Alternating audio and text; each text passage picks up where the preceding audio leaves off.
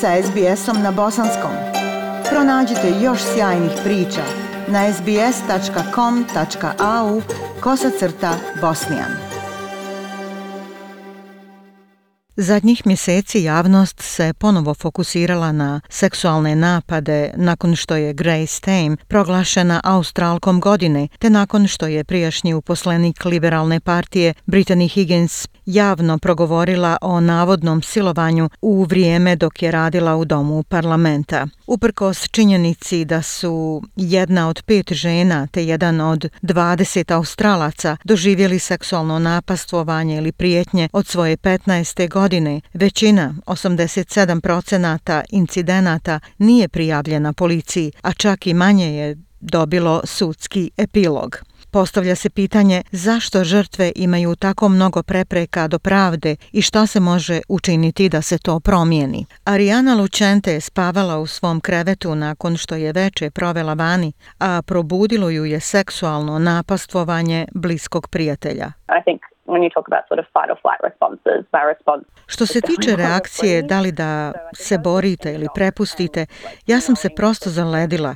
Mislim da sam bila u potpunom šoku i znala sam da je ovo pogrešno, ali bila sam previše uplašena da išta uradim i to je bilo kao možda će on shvatiti, kao na primjer da ako se ja ne budem pomjerala da će shvatiti o čemu se radi i da će sam prestati. Ali on nije prestao.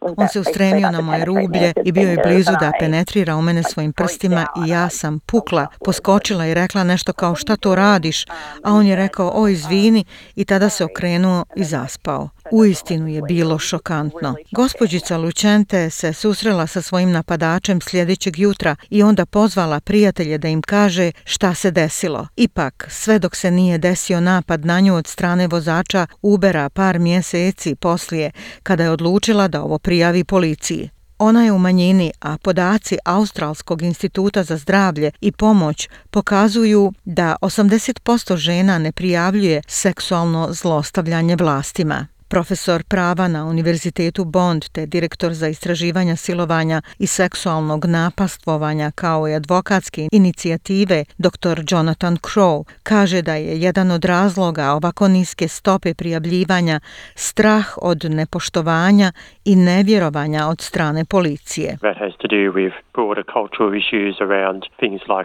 Ovdje se radi o širem kulturološkom problemu koji se odnosi na mitologizaciju silovanja, ideje koje su pogrešne o tome šta jeste stvarno silovanje ili seksualno napastvovanje, a koje se ne moraju podudarati sa iskustvima mnogih žrtava. Pored toga, mislim da u zajednici postoji uvjerenost ne samo da je stopa prijavljivanja niska, nego su i stope osuđivanja vrlo niske, tako da žene i muškarci kao i drugi koji su žrtve ovakvih vrsta napada misle u sebi da li je uistinu vrijedno ovo prijavljivati kada se na kraju neće ništa desiti. Dr. Mary Iliadis je stariji predavač na kriminologiji na Deakin univerzitetu. Ona kaže da se iskustvo žrtava može pogoršati kada im zatreba pristup kulturološki specifičnim uslugama.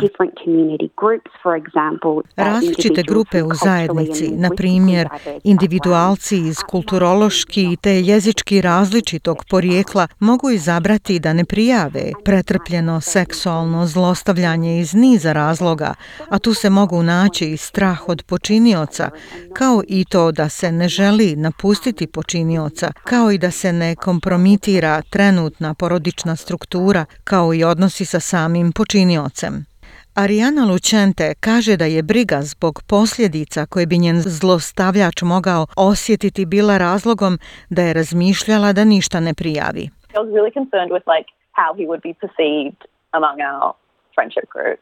Bila sam zaista zabrinuta sa recimo kako će ga drugi prijatelji iz grupe prihvatiti, što je strašno, kao što je i meni bilo. Kao ne, da želim da održim našu grupu prijatelja i da sam željela da sve bude u redu. Usto čini mi se da sam željela da mu dam vremena, ne znam, da pokaže kajanje i da se izvini. I htjela sam da se osjećam kao on, kao da im mnoge verzije svoje priče, ali njegova priča je bila da samo sačuva sebe prije nego da se osjeća osjeća loše i da mu je žao što je uistinu povrijedio prijatelja. Jednom kada se slučaj prijavi, policija mora da donese odluku da li postoji dovoljno dokaza da se slučaj proslijedi tužilaštvu. Dr. Jonathan Crow kaže da ne postoji statut o ograničenjima, odgađanja u prijavljivanju mogu otežati proces. Jedan od problema u ovom slučaju će biti poteškoće u sakupljanju dokaza te dobivanje pouzdanih svjedočenja od onih koji bi mogli da govore o tome šta se desilo, a tu je i rizik da bi žrtve mogle biti u teškoćama nakon dužeg perioda od događaja da se sjete detalja onog šta se desilo. On kaže da ukoliko policija odluči da ima dovoljno dokaza da se nastavi, onda dolazi do tužioca da procjeni da li postoji razložan izgled da se osigura optužba. Generalno, tu je veoma dug period od odluke da se podnese tužba i momenta samog suđenja. I naravno, samo suđenje, porota mora biti ubijeđena da branjenik treba biti osuđen na osnovu evidencije, van svake sumnje. U svakoj od ovih procedura slučaj može da zastane zbog pomanjkanja dokaza. Dr. Crow kaže da se mnogo toga odnosi na prirodu toga gdje i kako se većina ovih sektora seksualnih napastvovanja desila. The vast majority of sexual assaults Velika većina seksualnih napada desi se u privatnim i stambenim lokacijama, kao i to da je većina ovih napada počinjena od strane nekog ko već poznaje žrtvu. Često ne postoje svjedoci osim same žrtve i počinioca, a vrlo često ne postoji neka druga fizička evidencija u smislu očigledne fizičke povrede. Tako da može biti vrlo teško da se procesuiraju i dokažu ovakve vrste slučajeva i mnogo njih završi kao svjedočenje svjedočenje žrtve. Slučajevi mogu biti izostavljeni iz procesuiranja zbog toga što žrtve povlače svoje predmete. Dr. Mary Iliadis kaže da je ovo vrlo česta pojava jer žrtve nasilja bivaju tretirane bezobzirno od strane pravnog sistema za kriminal.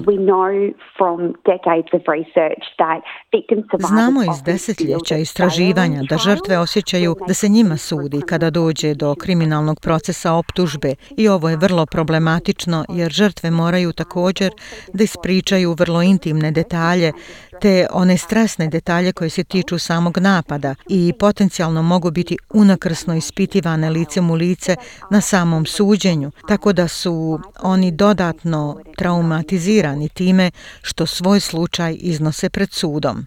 Ariana Lucente kaže da je ona sretna jer su nju tretirali vrlo osjetljivo od strane većine uključenih u slučaj.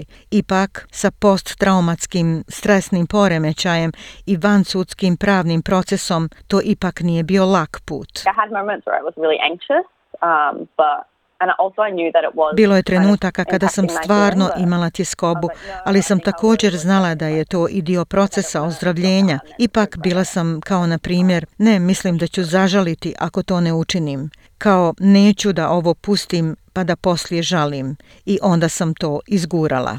U slučajevima seksualnih zlostavljanja, Od tužitelja se traži da dokaže krivnju van svake sumnje da nije dat povod. Ipak zakon se razlikuje u svakoj državi i teritoriji gdje se može vidjeti nizak prag za optužene kada oni navode da su imali razložno vjerovanje u pristanak. Ovo je nešto što navodi advokate, žrtve, akademike da se zalažu da se ugradi zakon o potvrdnom pristanku. Dr. Jonathan Crow pojašnjava.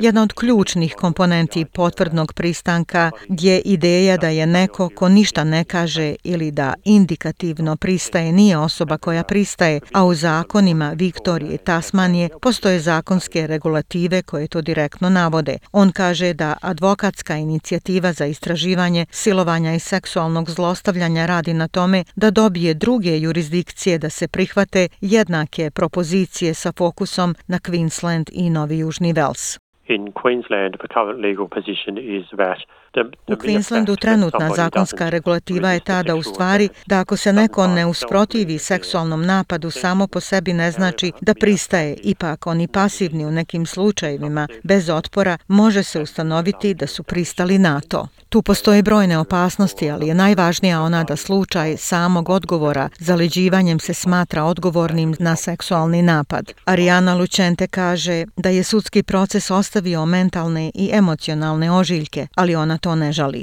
It is hard and it is Teško je i nije za svakog. I mislim da trebate odlučiti je li to dobro za vas ili nije. Dakle, za mene je bilo ispravno u ovom određenom slučaju i drugim od tada mislila sam sad nije vrijeme za mene, mislila sam da je potrebno pravo ili loše vrijeme kao, na primjer, šta će mi to pomoći. Onda sam pomislila da ako odem na policiju, da će mi to pomoći u mome ozdravljenju. Slušaoci koji žele informacije o seksualnom napadu ili žele podršku mogu se javiti na kontakt telefon 1800 respect na broj 1800 737 732. Ja sam Aisha Hadži Ahmetović. Ostanite uz SBS radio. Like, share, comment. Pratite SBS Bosnian na Facebooku.